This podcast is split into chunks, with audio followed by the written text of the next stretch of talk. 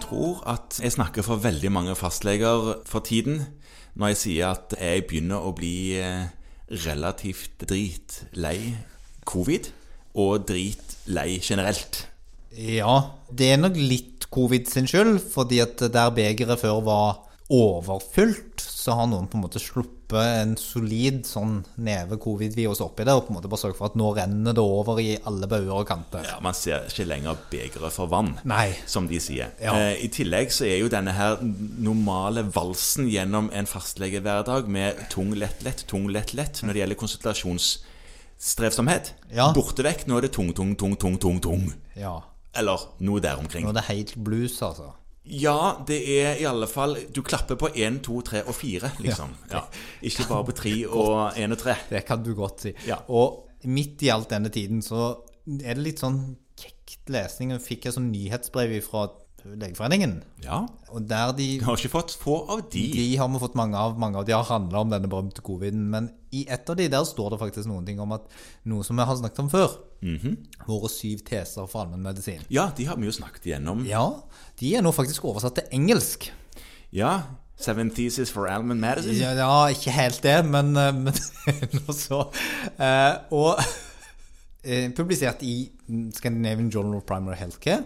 En artikkel som sier noen ting at vi må holde våre verdier høyt. Og da blir det litt sånn at i situasjoner der livet kan være litt tungt for mange av oss, og begeret er mer enn mer enn fullt, så er det å gå tilbake til, til det som heter tesene for allmennmedisin, eller kjerneverdien i allmennmedisin. Det kan være lurt for å prøve å skaffe oss litt oversikt over hva det egentlig vi holder på med.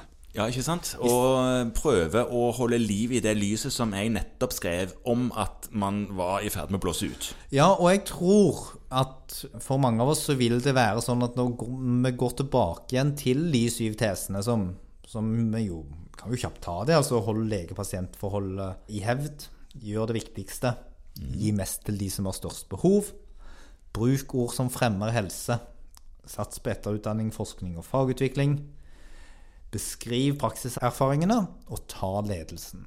Ja. Midt oppi et kaos bestående av altfor mange um, stratifiseringer av risikopasienter for covid-vaksinering, press fra luftveislegevakten og attester for, for å bevise at du ikke har hatt covid for å reise hist og her. Ja. Midt oppi en følelse av 100 millioner e-konsultasjoner som tyter inn på alle mulige tidspunkt, så kan det være at vi kan gå oss litt blind på hva det egentlig er vi holder på med. Det kan stemme. Og da kan vi godt ta fram de og se på hva er det egentlig som er viktig. For å minne oss litt på hvorfor vi er allmennmedisinere. Ja. Back to basic, liksom. Ja. Og kanskje blir det da litt lettere å holde ryggen rak gjennom denne stormen som vi nå står i. Ja. Eh, fordi at selv om mange kanskje er slitne og tenker at nå, nå går det snart ikke lenger, så tror jeg at vi trenger en fastlegetjeneste. Ingen tvil om at vi trenger det, og vi trenger den som sterk og tydelig tjeneste. Ikke bare noe som fins, men noe som virkelig er til stede.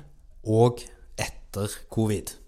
Og etter covid. Sånn at eh, for å holde dette skipet flytende gjennom stormen, så tror jeg det kan være greit å søke til masten, liksom. Og være enige om hva det egentlig er vårt mandat er for noe. Får vi binde oss til masten til stormen er over. Ja, og håper vi ikke hører for mye sånne sirenesang og sånt. Det er jo et annet problem.